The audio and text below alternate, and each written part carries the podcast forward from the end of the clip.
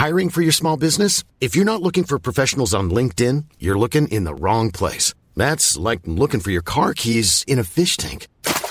LinkedIn helps you hire professionals you can't find anywhere else, even those who aren't actively searching for a new job but might be open to the perfect role. In a given month, over 70% of LinkedIn users don't even visit other leading job sites. So start looking in the right place. With LinkedIn, you can hire professionals like a professional. Post your free job on linkedin.com slash people today.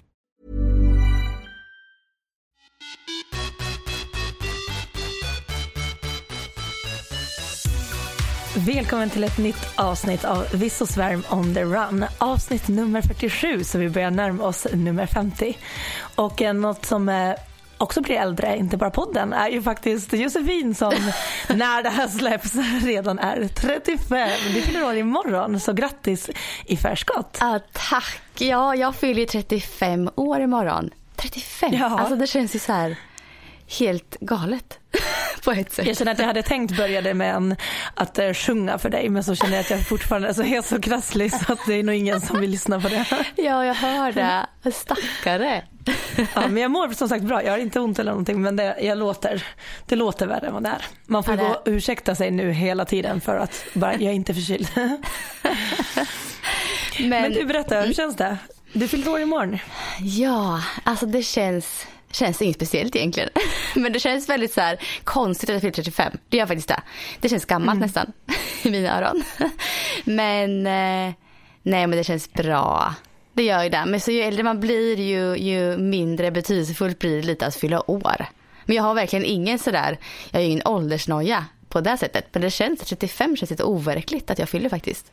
Men eh, vi ska väl fira det med att äta god mat och dricka något gott imorgon tänkte vi. Det är väl det vi kommer göra.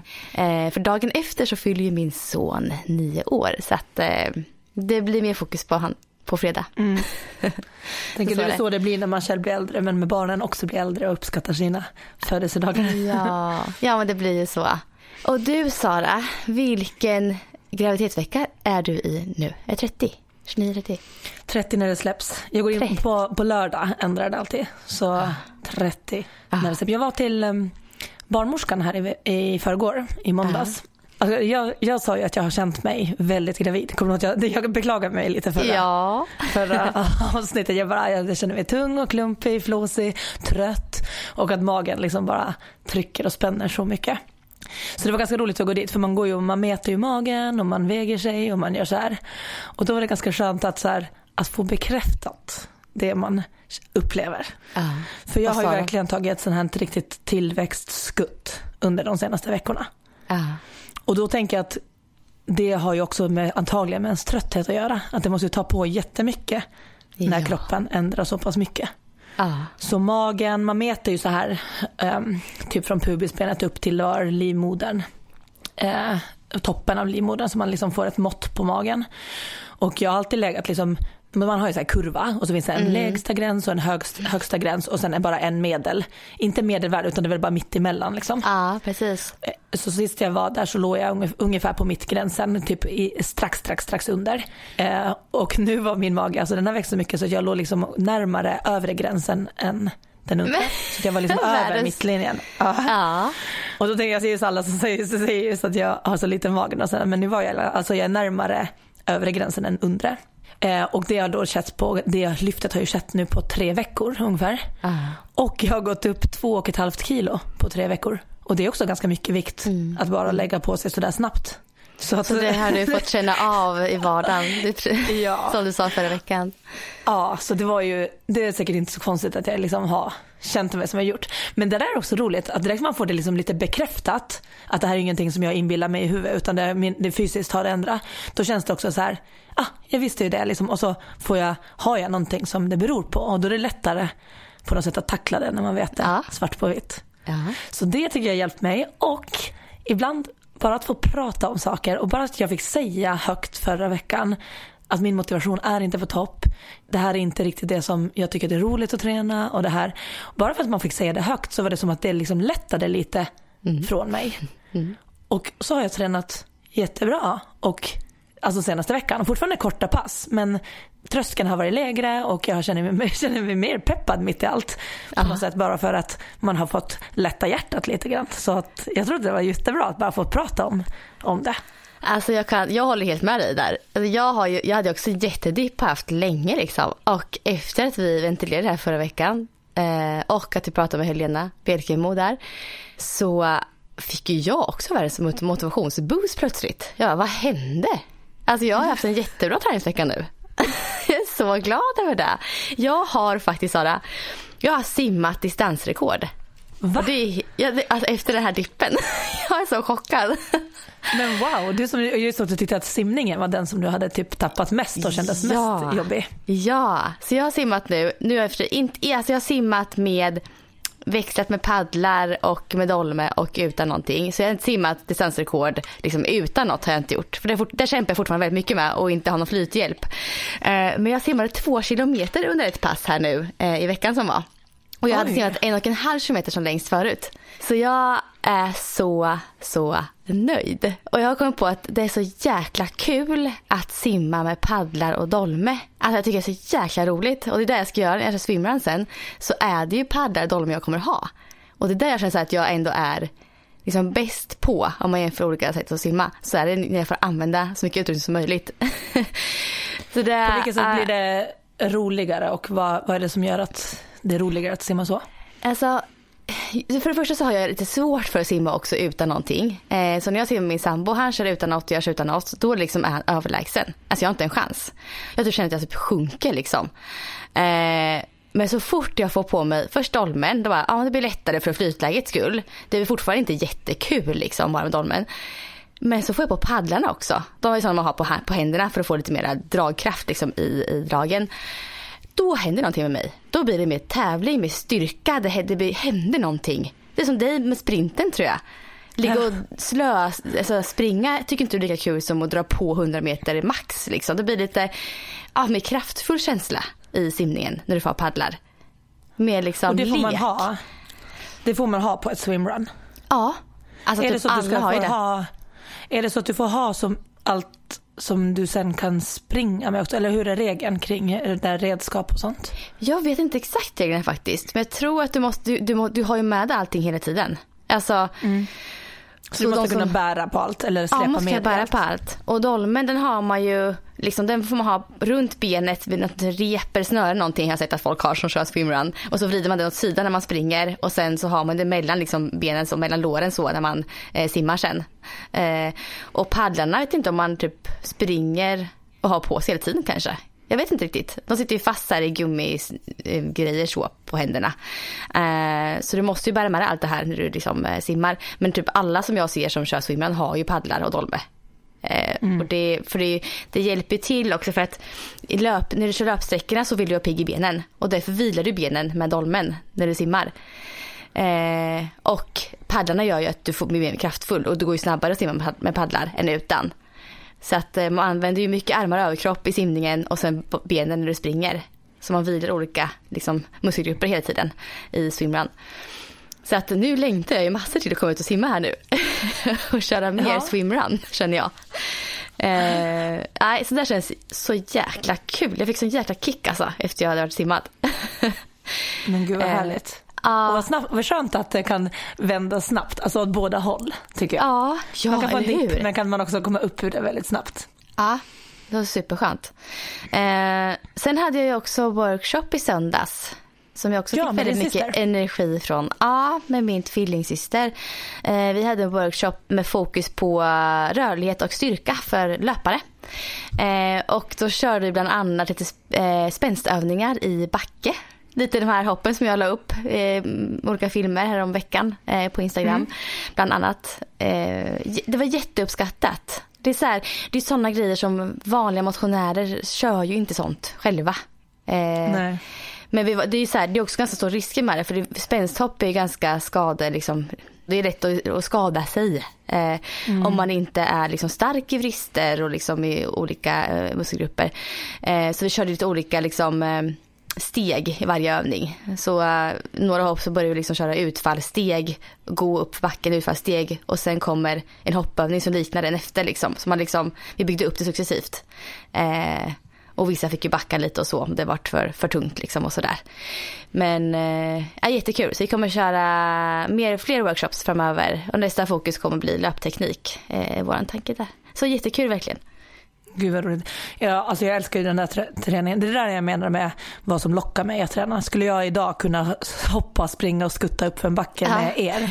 Ja. Alltså det är det jag typ helst skulle vilja göra. Ja, ja men alltså det är någonting visst med det. Ja. Och det är också det man får ta i, man får liksom så här, ah. och, men också känna hur det Alltså hur snabbt det påverkar till exempel om man tappar lite bålstöd eller någonting. Alltså man måste vara liksom skärpt hela tiden. Ja, och verkligen. verkligen så här trycka ifrån och vara aktiv i hela kroppen. Det går liksom ja. inte att bara tänka på något annat. Eller, Nej. Alltså så här. Och det är det mm. jag tror jag älskar att liksom vara. Jag tänker nu, att ja, ja. Jag tänker att du är väldigt bra på det också. Väldigt, väldigt bra på det tänker jag att du är. Men du är så himla stark i kroppen och liksom kåren och allting. Det känns som att du verkligen har där. Så att och det liknar ju mer din träning, det här explosiva, mm. än vad det liknar en långdistanslöpares träning i vanliga fall. Ja, nej, men jag, jag, tror, det är säkert därför jag tycker att det är roligt också. Mm. jag tror ja. att jag är ganska bra på det. Men det är också så jag tycker att det är så bra träning. Och jag tror mm. att det där skulle vara, eh, vara jättebra grundträning även för många som springer Det är det som är så kul, för det är ju verkligen så. Det bygger sån löpstyrka i det. Mm. Du får ett effektivare löpsteg det blir spänstigare. Det är ju superbra alltså för alla egentligen. Men man får hitta sin nivå tror jag bara i det till en början. Mm. Och bara att springa upp för en backe med lite kontrollerad kraftfullt steg så kommer det också. En löpa i backe är ju, ja det brukar jag säga ofta på den, men det är ju bästa träningen för löpare egentligen. För att bli, bli starkare och snabbare löpare. Verkligen. Ja, så där är vi överens kan jag säga. Ja, och du hade till och med läst någonting i senaste Runners World va? Lite om sprintträning som du kan få dela med dig av. ja, jag hade det. Alltså jag, nöjd, jag hittade ju, alltså, alltså det här, det, nu kommer du vara nöjd Sara. Och det här har jag mm. haft på känn länge, egentligen, ganska länge i alla fall det här året och förra hösten kanske. Att sprintträningen är på väg in lite som trendigare hos även långdistanslöpare. Och då hittar jag ett inslag i Runners World-tidningen här nu, eh, senaste numret, att forskning visar är att sprintträning i form av typ 50 meters intervaller i maxfart eh, gynnar löpekonomin i lägre farter över längre distanser. Så det är alltså väldigt, väldigt bra för även för långdistanslöpare att köra sprintpass. Och då föreslår de här att man testar att lägga in ett exempel på pass här är 8 gånger 50 meter långa sprintlopp i slutet av ett lugnt distanspass. Så det kan man testa. Jag ska nog faktiskt börja med det här själv tänkte jag. Mm. Nu när min fot blir bättre och bättre. Att lägga in 8 gånger 50 meters sprint efter ett lugnt distanspass. Jag tror det är jättebra. Absolut. Och det är liksom verkligen så här. Och att då kanske också stegra upp farten lite grann. Har man inte sprintat på länge så kanske känna att man har en växel till att ge i hastigheten. För det kommer fortfarande ja. vara mycket snabbare än vad man brukar springa under sina egna pass om man tränar för distans. Ja. Men man kanske inte maxar maxar allt första gångarna för att då Nej. tänker jag att det också blir lite skaderisk. Ja. Men just det där att få trycka på Ja. Eh, och använda liksom mer muskelfibrer. Ja. Nej, så det tyckte jag var lite kul och intressant att höra. Jag tänkte att det här kommer Sara tycka är kul om jag tar upp. Ja. ja men jag tror verkligen det och just som motionär också. Jag tror att, att eh, sprint hade varit så bra motionsträning också. Alltså för folk som, för det, jag vet att det är många som vill känna sig så här, men de vill springa men de vill också känna sig starka och explosiva och liksom kanske bygga lite muskler och sådant. Så då tänker jag att, mm att sprintlöpning borde bli mer känt bland även sådana som inte vill tävla, alltså inte friidrottare, ja. inte tävlings, utan bara som en träningsform. Och det är lite ah. som du säger också det här, det kan ju vara att man joggar till en backe och drar några sprinter, alltså inte, det är ju backintervaller men det blir ju ändå mm. mer likt sprint. För att du drar några korta snabba, Aha, lugnt ner. Aha. Den typen av träning tror jag att så många skulle eh, må bra av, både fysiskt och mentalt. Ja, alltså det blir roligare. Det händer någonting annat än det här vanliga mm. ligga och lunka. Jag tror det blir liksom, det är ett roligt inslag som kan kanske höja motivationen också, tänker jag, till mm. träningen. Och det är ju lite som de här var inne på, som jag pratade om förut för ganska länge sedan, de här 08 Master Free. Alltså Mm. fri, de här gratis friidrottsträningarna för, Ja. för 35 plus. Så nu får du vara med Josefin. Ja, ja, ja men jag, jag läste ju precis ett, ett sponsrat inlägg här från Mattias Sunderborn som skrev om det här. Alltså bara, precis. 35 till 65, det fan det är jag nu. Ja, så det är Mattias Undervall och Jenny Åkervall som jag brukar träna Ja. med. Det är de två som håller det. Men de har ju också då grupper alltså upp också mot alltså seniorer. Nu, just nu är de ju pausade, nu får man inte vara med om man är över 70. Precis. Men de har ju de som är upp det. Och då har de ju dels här friidrottsträning där det är, jag tror att fokus ligger typ mest kr- kring 400 meter, alltså den typ av löpning. Just det. Eh, men så kör de ju också gratis tyngdlyftning. Alltså vad frivändningar och den typ Ja. av explosivitet. För där har man ju sett, de jobbar ju, de, det här projektet är ju också utifrån forskning och både mental hälsa och liksom det här att det stärker allt från skelett och liksom, alltså, ehm, bättre vad säger man, livskvalitet upp i äldreåldern. Att träna lite den här typen av träning också, lite, lite styrka och explosivitet i, i sin träning. Precis. Så att ja, nej, mer, mer sprint och kraft till folket. Ja, nej, ja, jag håller med. ja, och det betyder ju inte att man behöver sluta med att springa de lopp man tycker om, utan det här är mer som en, ett komplement till Ja. träningen. Och som faktiskt kan göra dig väldigt mycket snabbare. Om man siktar på det också. Det ger ju väldigt mycket tillbaka. Och du, när vi ändå är inne och pratar lite om eh, saker vi hittade i Runners World-tidningen, Ja. så är det lite så att både du och jag är lite med i en liten på hörn, eller du har ju din, du har ju din, du har ju alltid din sån här eh, stående som du skriver fint om löpmode Ja, och allt möjligt. Mm, precis. Precis. Men sen är det en liten fråga också så här till olika löpprofiler. Vad, hur många skor de har hemma och lite så här, en skospecial helt enkelt. Där vi båda två är med och Är svarar. med. Ja. Så jag tänkte att vi kanske kan prata lite mer om skor i dagens ämne, eller som i dagens podd. För Ja. att det är ju ganska, det känns ju som att när våren kommer, det, det är nu man så här gärna vill köpa ett par nya par skor. Ja. Jag kände det, jag tog fram min cykel nu igen och, var, och cyklade en del. Och du vet den där känslan som man hade när man var liten och pappa hade kanske fixat till cykeln lite i garaget och så tog man ut den och, och cyklade runt kvarteret Ja. första gången på våren. Ja. Det är någon speciell känsla. Jag, jag fick den nu när jag cyklade också med Rasmus till förskolan. Att man fick så här, nu är det, nu är det vår och det liksom. Och jag tänker att det är typ samma känsla som det här med att ha ett par nya löparskor på våren. Som bara lyser. Ja, det är också någon gud. underbar känsla. Ja, verkligen. Håller du med verkligen, ja, jag håller helt med. Alltså. Alltså, det är verkligen nu som man känner allra mest att gud, nu vill jag ha ett par nya fräscha skor. Det är verkligen så. Det är en viss känsla att springa ut och de här, liksom, där gruset kommer fram. och Alltså, så här, det är härligt är det. Jag håller med dig. Ehm, och jag tänker så här att många är ganska osäkra på vad de ska ha för löparskor. Vad som passar dem. Eh, och jag tror många chansar, men den där är, eller jag tycker att den där är snygg, den klickar jag hem. Men det är ju faktiskt väldigt viktigt att man, att man väljer en sko som passar en själv. Och här, alltså här skulle jag vilja rekommendera eh, i första hand faktiskt att man besöker en specialistbutik. Nu fattar jag att folk kanske undviker det i och med tiden som är. Eh, men det bästa tycker jag ändå är att besöka en butik som typ Löplabbet, Runner Store, de typer av butiker som verkligen kan sin sak. Där testar man ju ut verkligen vilken sko som passar bäst. Alltså man kollar ju vilken fottyp man har, hur den belastas i vanligt läge, hur, den belastas, hur foten belastas när man springer, hur kroppen reagerar på löpningen. Alltså man analyserar ju väldigt noga. Och eh, väger också in liksom hur mycket kunden väger, hur mycket löparvana den har. För att för att hitta den skon, eller de skorna som eh, passar bäst. Men om man inte gör det här då tänker jag. Om man ska beställa en sko liksom online. Vad, hur, vad ska vi rekommendera våra lyssnare att tänka på? Har du någonting där Sara? Oj. Jag har, faktiskt, jag har nog faktiskt inte gjort så, för jag är väldigt mycket, jag, jag handlar sällan kläder, också, eller heller, jag tycker om att testa och känna på Ja. saker innan jag Skulle köper du, dem. gått, skulle du gått till eh, typ Löplabbet, Runner Store, som butik och prova ut? Om du har valt hur du skulle göra? Ja, så har jag gjort många gånger förut. Fr- Ja. Framförallt när jag var yngre och inte jobbade med det.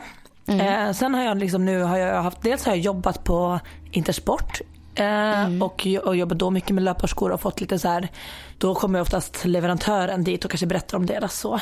Sen jobbar, har jag jobbat flera år med Nike och mm. då var jag ju väldigt innördad på deras skor men jag förstod ju mm. också skillnaden på deras skor, eh, vad för skor som passar vilken typ av, så även om det var bara deras modeller så har ju de ju jättemånga olika som har för olika syfte. Så att i dagsläget om jag hade beställt då hade jag nog fått läsa på lite mer och själv då veta så här, vad är syftet med den här skon? Alltså typ uh. hur långt tänker jag mig att jag ska springa i den här skon? Är det en sko jag ska springa snabbt eller? Mm. Eller liksom mer bara lunka på i?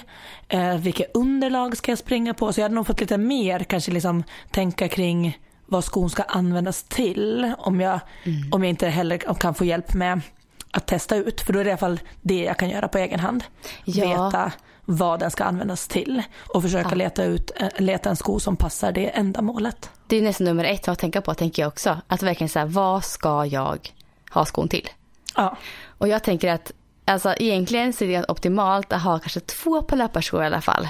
Om man har den mm. möjligheten. Och tänka en till liksom mängdträning. Och den skon ska ju vara lite mer liksom, uppbyggd och dämpad och skonsam mer. Eh, det är viktigare än själva vikten av skon om man säger. Mm. Eh, och sen en som är, det är kul att ha en lite snabbare också. Som man kan köra lite intervallpass eller tävlingar i. Så det blir skillnad på träning och tävling lite. Sen är det som du säger, det är kanske vissa som springer, inte springer asfalt. Man kanske springer terräng. Och då behöver man ju ha en anpassad för terräng. Så första steget är ju att tänka på vad man ska ha skon till.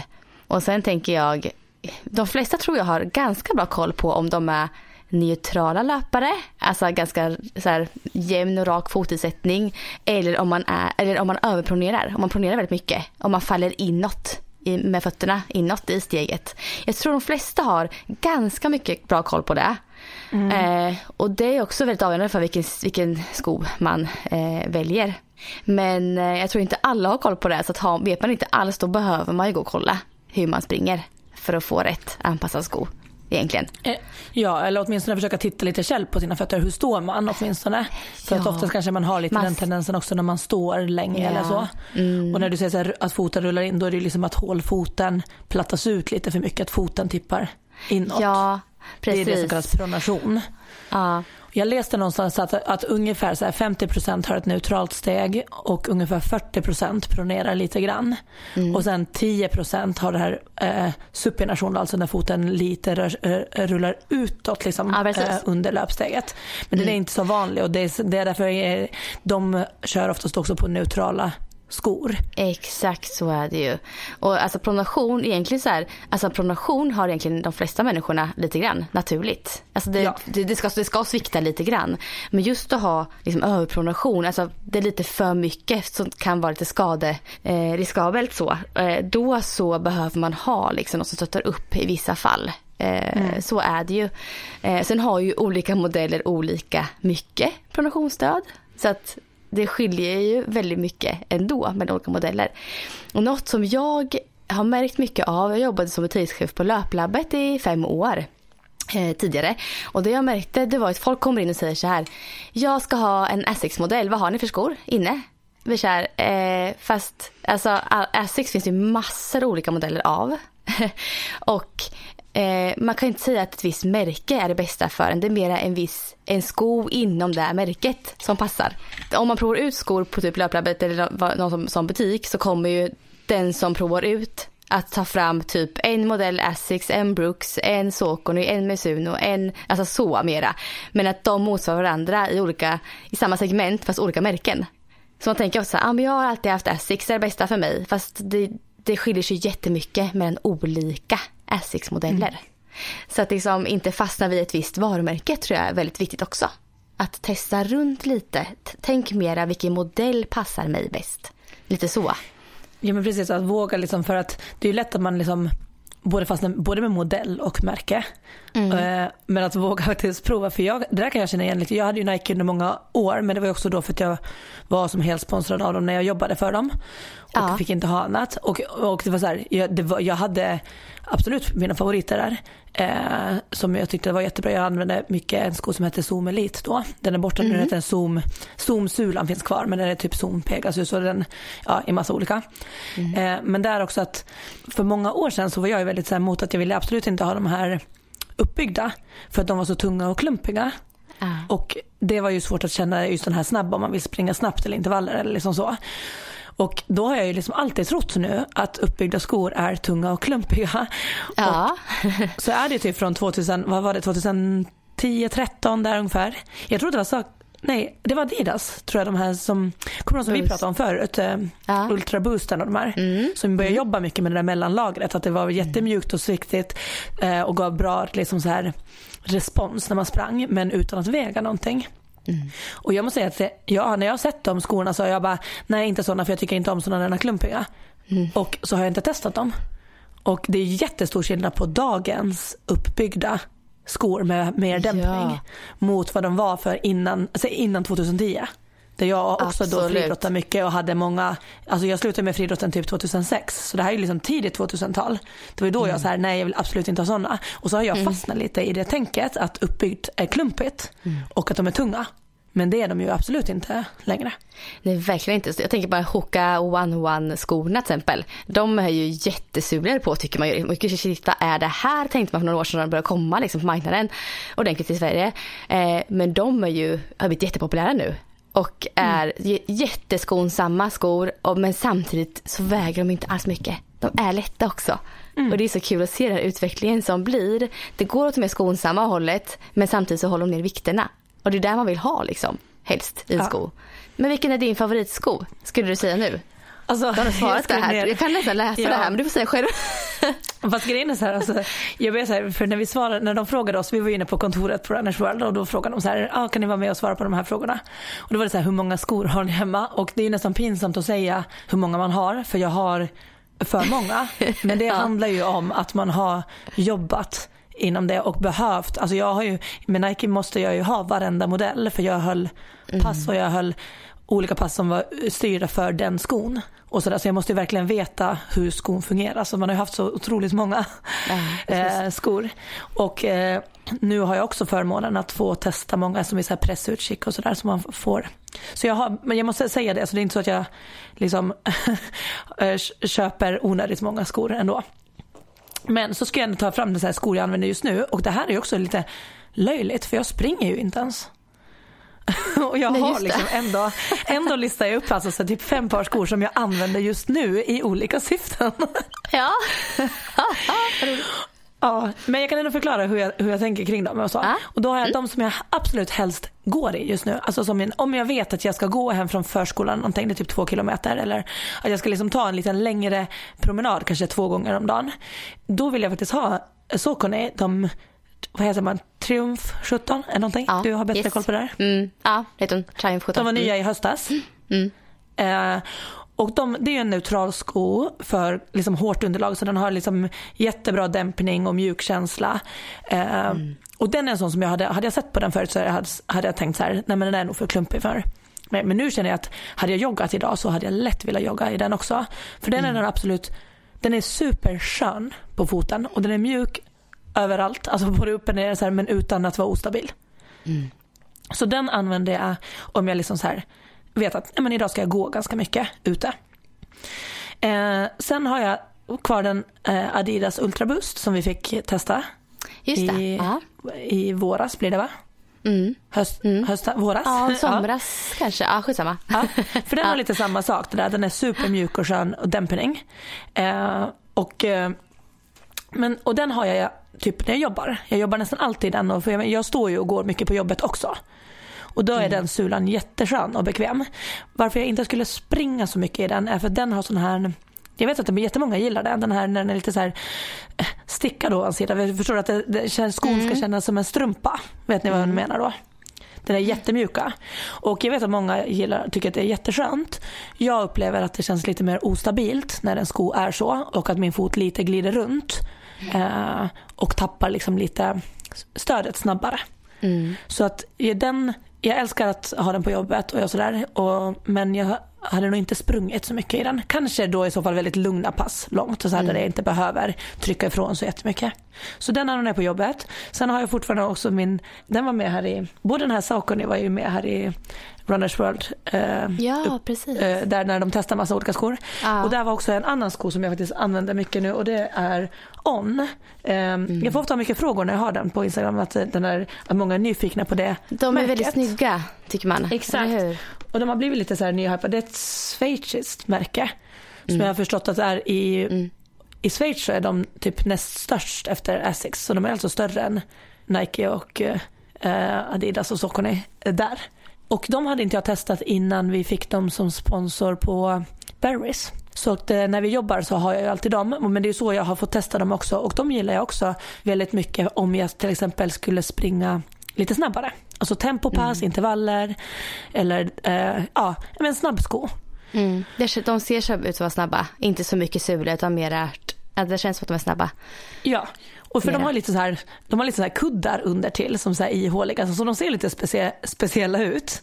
Ja. Men eh, de är väldigt så här, de sitter väldigt lätt och omslutande på fotarna. Alltså så att mm. den har liksom inget så foder eller någonting utan den sitter väldigt så här, passformen är väldigt bra och den känns som att den sitter fast på foten. Mm. Eh, och just till exempel då träning som Barrys, när du springer intervaller på löpband där har jag, jag har liksom alltid när jag, jag behöver inte ha den om jag går på ett Barrys pass utan den är bara, vi har, när vi har samarbete behöver jag ha den när vi jobbar. Men jag väljer alltid dem när jag går på ett Barrys pass också för de är så sköna att springa intervaller på ett band med. Det kan jag tänka mig faktiskt. Ja, jättesköna. Sen har jag inte haft dem så mycket på friidrottsträningen för att de känns lite för ostabila att, att hoppa och göra så här mångsteg och sådant. Där känner jag liksom att jag eh, vill ha lite stadigare sko. Mm. Den är ganska smal. Så den har jag också. och sen så tränar jag när jag styrketränar. Men det är ju inte löpskor. Men då har jag fortfarande Nike Metcon. Som är uppe Just på femman, det. femte ah, Och det är ah. min favorit så här, gymsko fortfarande. Ah. Metcon, är inte det mer typ en, eh, det är typ mer crossfit eh, typ? Eller Precis. Är det inte det? Ja. Den är känd som, den kom ju som deras eh, crossfit-variant motsvarande Reebok har deras nano. Och Just den ska vara liksom så här att du ska kunna eh, göra knäböj, för typ man vill inte göra som knäböj och frivändningar och sånt i joggingskor i och med att de har den här mjuka sulan som du liksom sjunker ner i lite grann. Mm. Att när du gör styrketräning och den här explosiva då vill du ha en hård sula och ganska bred och platt så att du verkligen står stadigt. Ja, och du vill ju inte ha någon dropp så du, sjunk, så du kommer upp på något sätt. Du vill ju liksom Nej. ha en platt sko. Exakt, som är väldigt stadig bak till så den inte är den ja. skönaste att springa i. Men de har ändå gjort den lite mjuk fram i tårna för att eh, i crossfit kan det hända att du behöver springa något lite grann eller hoppa, burpees och sånt och då vill man fortfarande kan flexa i tån. Mm. Men ser man till exempel, ibland har de ju rena löpevent på crossfit-tävlingar, då är det ju ingen som springer i den här. För då om de inte samtidigt ska lyfta massa utan det blir så här, och det här eventet är framförallt löpning, då har de löparskor. För den är mm. inte skön att springa i en längre sträcka. Det med så jag bara, ja, ja. Ja, nej, men jag bara märkt att jag men... har mycket skor fast jag typ inte ja. ens springer. ja. Men alla, jag vet ändå syftet med alla. Ja. Alltså jag har dem ju ändå vid olika tillfällen.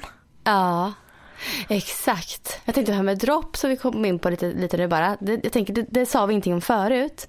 Mm. För det var ju så här, jag kommer ihåg en period som var dropp jätte alltså liksom trendigt att prata om liksom lite så i löparskokretsar och man skulle ha så lite dropp som möjligt för att bli snabbare och få ett bättre liksom eh, frånskjut och ligga mer fram till på foten och så här.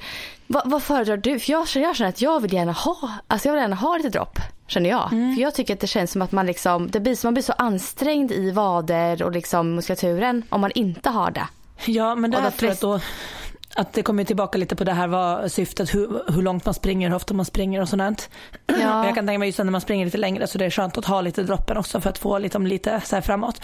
När man springer, jag har ju alltid sprungit mer liksom intervaller och mer av den här och då springer man automatiskt ganska mycket på framfoten och så här.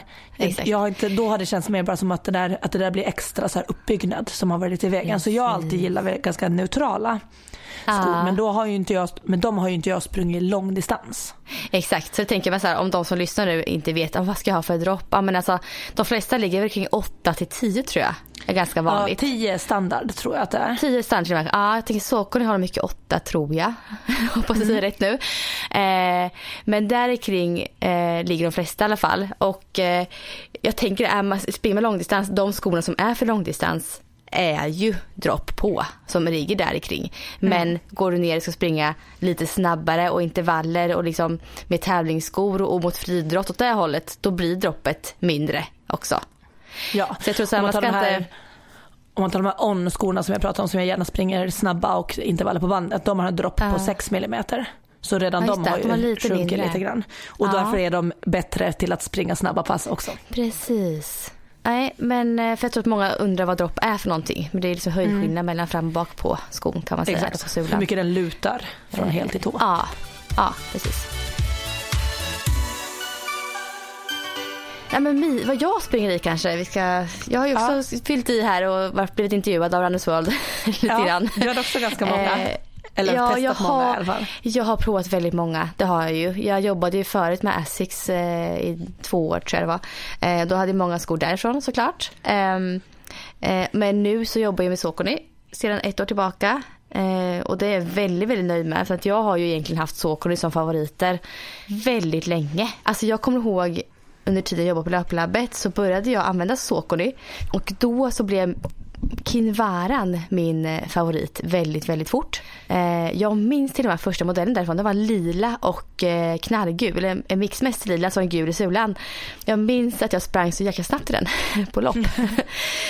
så jag fastnade lite för just Kinvaran där för ganska länge sedan. Och den är fortfarande en av mina favoritmodeller som jag alltid vill ha hemma. Den springer jag eh, lopp från 5 kilometer upp till, det kan vara upp till maraton till och med. Skulle kunna välja en lite mer uppbyggd sko till maraton men upp till maraton eh, kör jag Kinvara på tävling. Eh, den är, alltså den är så bra för den är liksom den är jättelätt, känns väldigt snabb men har fortfarande en okej dämpning. Så att eh, jag tycker om den jättemycket. Det finns en modeller från Sokoni som har mindre dämpning och ännu liksom snabbare så. Men jag vågar mig inte på dem riktigt för jag har haft så mycket skadebekymmer på sista tiden också. Så att jag skulle inte våga mig på med dem just nu. Men elitlöpare kör ju i ännu nättare skor så eh, än Kim Varan eh, oftast. Sen så har jag eh, Triumph som du sa, 17. Den tycker jag är, den är så bra. Den har jag liksom haft nu när jag kommer tillbaka från skadan och sådär så använder jag den som grundmodell eh, hela tiden för den eh, känns så himla skonsam. Men den fortfarande så har man kvar löpkänslan i den och den är liksom ganska lätt ändå. Så den gillar jag jättemycket. Och sen har jag Ride. Den hade jag inte provat förut. Triumph har jag provat förut, långt tillbaka så också. Men Riden har jag inte provat innan. Den provade jag först förra året. Jag började jobba med Saucony. Och den har ju blivit, jag tror att den är, toppar nog. Den är nog min favorit bland deras eh, skor. Den känns liksom, den känns som ett mellanting mellan Triumph och Kinvaran. Den känns mm. lite nättare än Triumphen men fortfarande superbra dämpning i. Jag älskar den, den är superbra. Och sen har jag provat lite sådana terrängmodeller också. Men jag springer mest i vanliga ändå. Jag springer inte så ofta i terrängskor. Även när du springer terrängpass? Ja, jag väljer fortfarande, för jag springer oftast till terrängen på asfalt. Och då ah. väljer jag oftast en sko som funkar liksom lite allround överallt. Så då blir det oftast ändå att jag springer i vanliga. Däremot så eh, tävlade jag förra året med första trail, eller terränglopp. Och då valde jag däremot en eh, terrängmodell. Men när jag tränar så och springer till skogen så brukar jag faktiskt springa i vanliga löparskor. Så att ett par vanliga mainträningsskor funkar väldigt bra till de flesta underlag. Bara inte för liksom mycket trail-likt och, och halt och sådär. För då, då, då är det ju verkligen att föredra. Och trixiga stigar och så.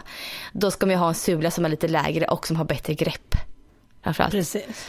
Jag tänker det, till exempel en stora mål liksom Lidingöloppet om man kommer både träna eh, alltså mycket i den typen av terräng och sådär, då kanske det är värt att ja. ha ett par terrängskor. Man vet att nu är det den eh, miljön jag kommer att, vilja bli duktig att springa i. Ja, precis. Sen är ju så här, Lidingö, där spåret är ändå ganska breda liksom. Det är ganska, när jag sprang i alla fall då jag sprang, då var det ganska så här, ganska hårt underlag ändå i den terrängen och ganska breda liksom. Eh, det är ganska bred väg. Det är inga så här trixiga stigar och in i skogen och så här. Nej. Så det funkar ju med vanlig också där. Men jag tror både och funkar ganska bra. Det är svårt att välja skor där alltså ja. för Lidingö kände jag. Jag tror att de flesta springer i vanliga. Jag tror också att de flesta gör det. Jag har inte kollat liksom vad eliten har på sig där. Jag har inte tänkt på det här riktigt. För det är ju som du säger, det är oftast en så här väldigt tillplattad barkbana. Alltså en Precis. hård. Som, eh, och det är grus på vissa ställen och det är Mm. sådär också. Så att det är ju det är ju inte så här skogslopp, det är det inte. Utan det är ju, men Nej, det är, alltså, du har ju ändå en, en vettig, det är den jag typ brukar cykla på. Så det går ju att cykla Ja. på den bra, utan problem. Exakt, man får nog kolla in lite hur alltså, terrängen ser ut på de lopp man ska springa. För vissa lopp vet jag ju, den som jag sprang första gången, det var trixigare liksom. Det var med smala stigar och stenar lite här och var. Då, då var det väldigt bra att ha en terrängmodell. Mm. Och hålla på och parera liksom, annars är det lätt att man vrickar fötterna så här. Eh, om sulan är lite för hög. Jag tänkte när vi och pratar på just så här skomodeller så måste vi också nämna, alltså dels så här barfotaskor. Ah. Har, har, du, har du någon erfarenhet av barfotaskor? Alltså jag har faktiskt, jag tänker så här Vibram, de här kom ju, Five Fingers kom ju. Ja. Eh, jag minns så väl när de kom på marknaden. Och jag minns väldigt väl hur många som kom in till oss då på löplabbet och var liksom skadade. Ja. Eh, men det är ju det här när man inte är van heller, liksom, att man går rätt på nu ska jag prestera bättre och springa snabbare. Och man, man läste den här boken, vad heter den med Colting? Born to run. Där, exakt. Den var ju så jäkla poppis då också. Men det var så Jag tror den, jäkla ja, precis, många. den kom 2012 och då var Ja. det liksom en boom efter det. Ja, ja, verkligen så. Alla skulle springa med de här och de blev så skadade. Och bara vad gör jag för fel? Ja men köp en uppbyggsko. Alltså börja där liksom för att jag skulle rekommendera att man har uppbyggsko man springer. Helt ärligt. Sen kan man liksom variera sin träning. Det är jättebra att stärka upp fötterna med Alltså att springa barfota eller man springer med en sån five finger sko typ sån sko. Eh, men då kortare slag liksom på mjukt underlag för att stärka liksom olika eh, fotleder och sådär. Men att springa långdistans det är inte många som klarar. Vad säger du? Har du provat någon gång? Jag har inte provat de där extrema, inte de där som har verkligen så här five finger, alltså inte de här med separerade tår.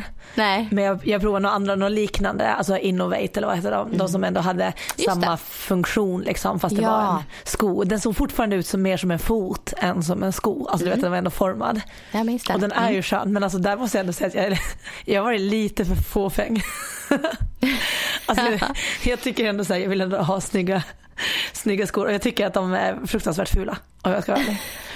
Eh, men, eh, nej men så jag testade dem och det här, jag, jag eh, håller med. Framförallt har jag haft många kunder som har varit intresserade av dem, som har testat, som också har varit skadade av sånt. Och, eh, jag, alltså jag, jag förstår tanken med barfotalöpning. Jag tycker att det är eh, en bra grej. För att om man, jag brukar förklara det när jag pratar löpteknik att skulle vi ta av oss barfota på ett typ cementgolv eller någonting och springa så skulle alla springa på ett ganska fint sätt. De flesta i alla fall. Men sen finns det de som springer precis likadant och liksom sträcker ut och landar på hälen trots att det är hårt. Och för dem är det ju katastrofalt om de börjar springa på samma teknik som de har men bara utan dämpning och liksom inte ändrar det automatiskt. Då, då blir det ju ganska snabbt tror jag skador. Men jag håller med om att problemet är ju liksom så här att kroppen behöver vänja sig och det går inte att bara byta för att du kommer inte att byta teknik och även om du skulle byta teknik så blir det också för påfrestande för kroppen att bara Precis. switcha från en dag till en annan. Så jag tänker så här, om man är intresserad av att ha den här eller vill få den här effekten av att så här, ja, men tränar foten mera. Men då kanske ha de skorna när man tränar styrketräning eller på uppvärmningen. Eller kanske när man gör lite löpskolning. Men sen att byta tillbaka, att, man, att då får man växla skor under passets gång. Ja, Och det är ju för mig inget konstigt. Jag har ju alltid olika skor på uppvärmningen också när jag springer i spikskor. Jag värmer inte upp i spikskor heller. Nej. Utan man växlar ju till så här, för det, då hade jag ju gått sönder också. Ja. Så att man får tänka lite så, men jag tror att de allra flesta eh, så är vanliga löparskor mycket mer skonsamt ja, jag tänker än att det finns, just väl, barfota.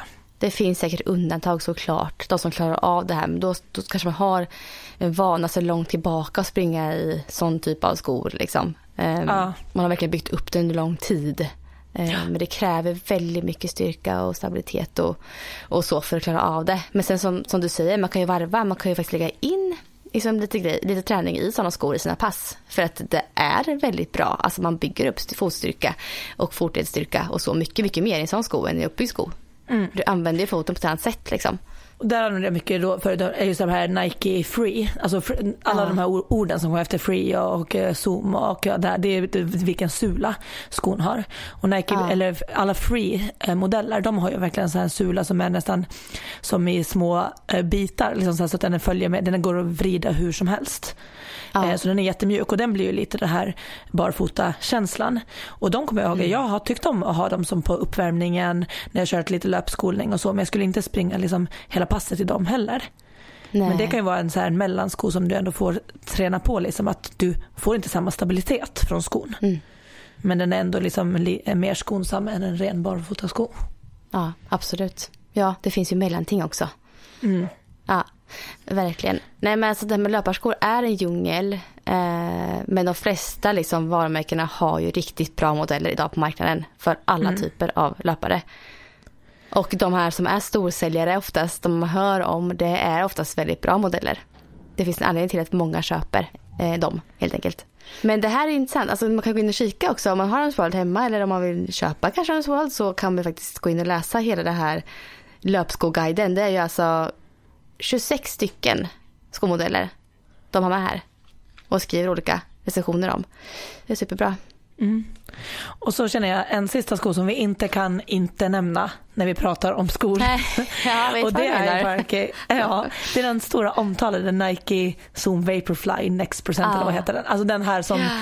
Kipchoge hade när han sprang under två timmar på maraton och mm. den som vi nu ser nästan alla rekord som tas nu, jag vet i Sverige har det varit flera också, David Nilsson och Ja, Musse eh, också va? Ja exakt, så de springer ju alla nu med den här som ah. har bevisat eh, förbättra med 4% resultat och det ser de ju alltså både på eliten men mm. de ser ju det också på, jag vet att de har sån här Strava som är så här stor som man kan registrera sina löprundor och som en sån uh, community eller vad säger man. Där an, registrerar man också vilka skor man springer i så då har de ju kunnat se på den stora massan också att de som springer i den här skon ökar allihopa i, i sina resultat. Det är väldigt intressant, det är kolfibermaterialet som är mellansulan som ska göra en sån effekt verkar det som. Ja. Ehm, och det verkar som att det har skett en utveckling väldigt snabbt, snabbare än man är van vid inom löpskobranschen eh, i det här materialet. Jag menar det utvecklas ju hela tiden materialet men det här har gått väldigt fort nu att det blir ett så himla snabbt steg framåt i ja. tider och så liksom. Så det här gör ju någonting uppenbarligen. Ja, då hamnar man ju nästan i, eller i den här diskussionen som så här, ska det vara tillåtet? Hur var, alltså lite som eh, simningen, kommer du ihåg när de fick sina de där superdräkterna som sen förbjöds. För att det, är ju, det här är ju ett väldigt tydligt lyft i mm. resultaten. Mm. Eh, och att den funkar på så många och i olika nivåer. Men de har ju liksom, den har ju varit på gränsen och ska granskas och göra så igen. Och nu har de ju kommit med liksom, eh, vad som är regler för hur skon får vara.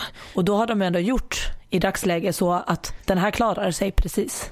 Mm. Så att, men du kommer inte att få göra dem värre från det här. Precis. Sen vet man inte, sen kan ju de reglerna ändras också men i dagsläget ja. så de, är de ju nästan så anpassade till till den här skon att det här funkar, funkar det är godkänt. Men det har ju varit ah. jättedebatterat. Men det verkar ju vara en sko som är, den verkar vara väldigt skonsam även fast den är så jäkla lätt som den är också och ger sån respons. Mm. Eh, så den är jätteintressant. Vi, vi kände ju på den här skon hos Lofsan när vi var där. Hennes man ja. Hans hade ju på sådana här skor hemma. Mm. Första gången jag kände på dem och de vägde ju verkligen ingenting. Nej, alltså, och de ser de lite så lätta. Ut. De ser väldigt konstiga ut. Men sulan är ganska väldigt, väldigt stor liksom. Men... Precis, den är liksom förlängd. Den går liksom lite bakom hälen också. Ja. ja. och det är där de har satt måtten på hur långt den får gå bak och hur, mycket, alltså hur hög den får vara och den här kolfibersulan äh, och så. Men däremot har det också då för att den ska vara godkänd så, måste den, så har de gjort någonting sånt att då måste andra märken också kunna få äh, använda alltså samma karbonsulan då som man pratar om. Mm. Och det måste göra så att det är någonting med att, de, att det behöver för att göra att de ska kunna ta fram det också typ två månader innan OS. Och det blev ju godkänt då så att det skulle vara. Nu har ju OS flyttats. Men ändå. Ja, precis. Så att, för det måste precis. finnas som på marknaden. Det får inte vara bara att det är bara en. För då hade ju alla atleter velat ha de skorna och det blir orättvist mot de som är helt sponsrade av ett, av ett annat märke som inte har mm. den, det materialet. Och eh, då blir det ju liksom när man vet att det ger 4% då är det ju ganska tråkigt om du inte springer i de skorna. Ja, men så alla vill väl ha de här skorna då? Ett OS. alltså skulle det bli så? Det blir orättvist annars om man vet Ja. att det liksom. Ja. Så, men så nu får vi säga att det kommer antagligen komma en boom nu då i andra skomärken också. Som har den här Definitivt. kar- karbonplattan i sulan. Ja, det var att Nike var så jäkla snabba med det. Ja, ja, ja. Långt Men, före eh, de andra.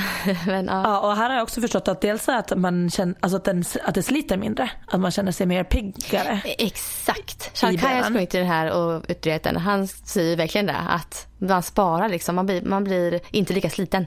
Men sen har man också sett att det här, den här procenten och att den här fördelen med de här skorna, det är ju för de som, eh, alltså, som springer redan på mitt på foten eller framfoten. Att springer du med väldigt tydlig helsteg först, då har den ju inte samma. Så du behöver ändå kanske vara, alltså, ha sprungit en del och kanske så här för Ja. att få effekten av den. Men den Alltså, här det är kostar ju också väldigt många- 3000 typ, kostar den här skon Ja. i dagsläget. Men det är säkert många så motionärer som känner att den där skon köper jag hem. För den jäklar Ja. ska jag göra mig jättesnabb. Lite så. Och så blir det fel. För att det är ju mer för den här drivna, kanske vana löparen som du säger egentligen. Den här modellen. Ja, det ska bli intressant att se. Jag har ju inte testat den. Men man skulle ju vilja prova den själv. Bara för att se Ja. vad är det med den. som är så speciellt. Men så den, den är väldigt dyr och så. Men de andra skorna som vi har pratat om, de ligger ju flesta mellan 1 och 2 tusen. Ja, Skulle jag absolut. Ja, Men den, den de. här värstingen. De får man flesta ligger ju med för. 15-1600 någonstans där. Verkligen de, den stora massan på skor. Ja. Nej, det finns många modeller att välja mellan. Det är därför det blir så svårt också. Mhm. Hade du någon mer grej från Runners World där som du hade läst och tyckte var lite intressant att ta upp? Nej, alltså, det, var, det var mer att jag blev så här inspirerad och kände att jag har bestämt mig för att köra. De tipsade om ett, ehm, ett intervallpass. Ja. och jag körde ju förut de där Almenäsintervallerna. Sen kände jag ju då, att jag kan inte köra allt för hårt för jag blir så trött efteråt. Men det var ändå skönt att ha något planerat och bara det här ska jag göra. Och då var det en, några intervaller som var från någon dansk studie. Som, de kallar den 10-20-30. Fast egentligen är det 30-20-10 åt andra hållet. För det, det ser ut så här, upplägget är typ så här 30 eh, sekunder jogg. Jag kommer göra det här då på cykel så det blir lugn cykel. Eh, och sen 20 sekunder där man gör en fartökning. Och sen 10 sekunder där man ger ungefär 90% upp. Alltså så verkligen, typ som en sprint då på slutet. Ja. Och, så det blir ju en minut, en, en sån 30, 20, 10. Och det ska man göra direkt fem varv i rad. Så ett block är fem minuter av de här 30, 20, 10. Och sen så får man vila två minuter och då var det liksom lätt jogg eller gå. Och då tänker jag att jag passar på att hoppa av cykeln och gå två minuter för att skaka benen. Och så skulle man göra, det stod egentligen vad det är sex set, men det stod att det är du en nybörjare eller liksom ska komma igång med den här typen av intervaller, då kanske det räcker med två, tre. Så jag tänker Ja. att jag ska göra eh, två, tre, det räcker bra för mig och lite uppvärmning och nedvärmning. Men då blir det pepp, för jag gillar, jag gillar ju så här korta intervaller där det händer saker, där jag inte behöver Alltså jag behöver ha koll på klockan lite hela tiden. Så att jag inte ska sitta så här tio minuter i sträck i samma tempo. Det blir så tråkigt framförallt på cykel. Ja, precis. Alltså de här intervallerna, de har jag faktiskt kört ganska mycket. Ja det har jag. Alltså inte, inte själv, men mer med löpargäng. Kan man Ja. säga. Bland annat löpargänget i Motala, de kör det här mycket. Alltså det är väldigt kul typ av upplägg. Det händer någonting hela tiden. Jag förstår vad du menar här. Och för dig framför allt som är sprinter. Det här blir roligare än att gå ut och springa fyra gånger fyra minuter. Typ. Ja. Det, här, det blir lite mer, man kommer upp i fart mycket snabbare och så variation på tempon. Så 30, 20, 10. Jätte, jättekul. Eller 10, 20, 30 då, som det heter. Men det är ett väldigt Ja. kul intervallupplägg. Och det vet man, om man inte minns vad vi har sagt här i podden nu så kan man söka upp det bara på, googla fram 10, 20, 30 intervaller. Så kommer Ja. det att komma upp. För det är en väldigt vanlig Ja. typ av intervallform. Och jag kan sätta en liten spark i baken till mig själv för att, att träningen, att det ska bli gjort nu för jag säger att jag ska göra Ja. det här. Så jag kan ju också säga att jag kommer lägga ut den på min Instagram också. Ja, Hur jag har gjort det. Och då, ja men gör så, det måste jag nu, så nu måste jag ha gjort det innan söndag. Ja, måste du. För att när det här podden släpps så då ska jag ha gjort de där intervallerna. Då kanske vi ska lägga upp den posten på, på kontot på söndag. Vad sa du? Då kanske vi ska lägga upp din post på, på kontot på söndag. Ja. Ja, vi får se. Då- Men du ska ha då gjort det i alla fall innan söndag då? Mm. Ja, och jag kanske ska gjort de här äh, sprint, avslutande sprinten på, efter mina distanspass då. Att jag kör 5 gånger 8, nej 8 gånger 50 Ja. meter i sprint. ja, innan Då söndag. ska jag göra dem ja, innan söndag efter en distansrunda. Du det här är bra, det här kanske vi ska börja med. Vi ska lova saker innan Ja. söndag. och så måste vi alltid Ja, eller hur? Så måste rapportera så att lyssnarna kan gå in och kolla om det finns i vår, i vår senaste, det är ju onsdag idag, torsdag, fredag, Ja. Mm. lördag. Så vi har typ tre, fyra dagar på oss. Och då kan de alltid gå och checka av att vi har gjort vår Om vi har gjort dem. ja, och sen så kan man också göra så här. Om det är någon av kanske våra lyssnare som tänker så här, det där vill jag också göra. Så Ja. kan man ju faktiskt, vi kör, kör man 10, 20, 30 också. Och så lägger man upp någonting på stories eller en post. Och så taggar Ja. man oss och så skriver man att nu har jag också slutfört den här, det här passet.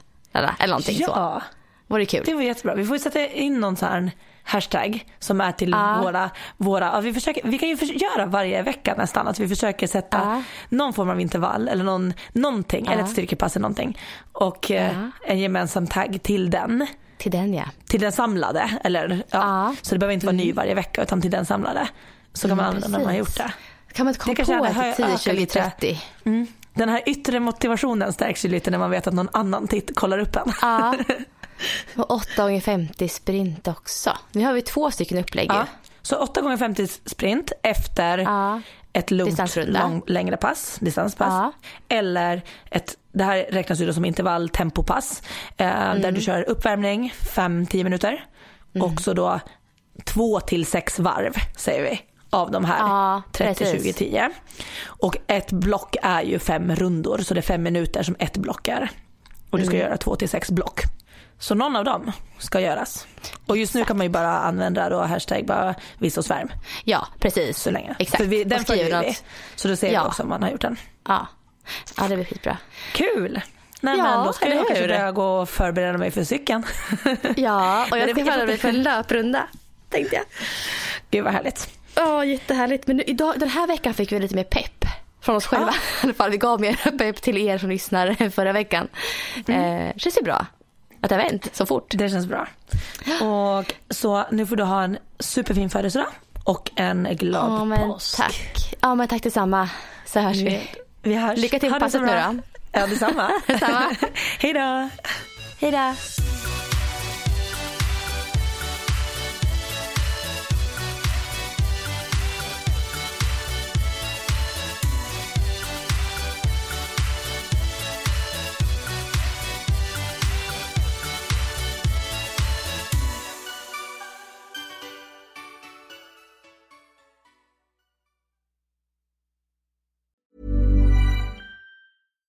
Hi, I'm Daniel, founder of Pretty Litter. Cats and cat owners deserve better than any old fashioned litter. That's why I teamed up with scientists and veterinarians to create Pretty Litter. Its innovative crystal formula has superior odor control and weighs up to 80% less than clay litter. Pretty Litter even monitors health by changing colors to help detect early signs of potential illness. It's the world's smartest kitty litter. Go to prettylitter.com and use code ACAST for 20% off your first order and a free cat toy. Terms and conditions apply. See site for details.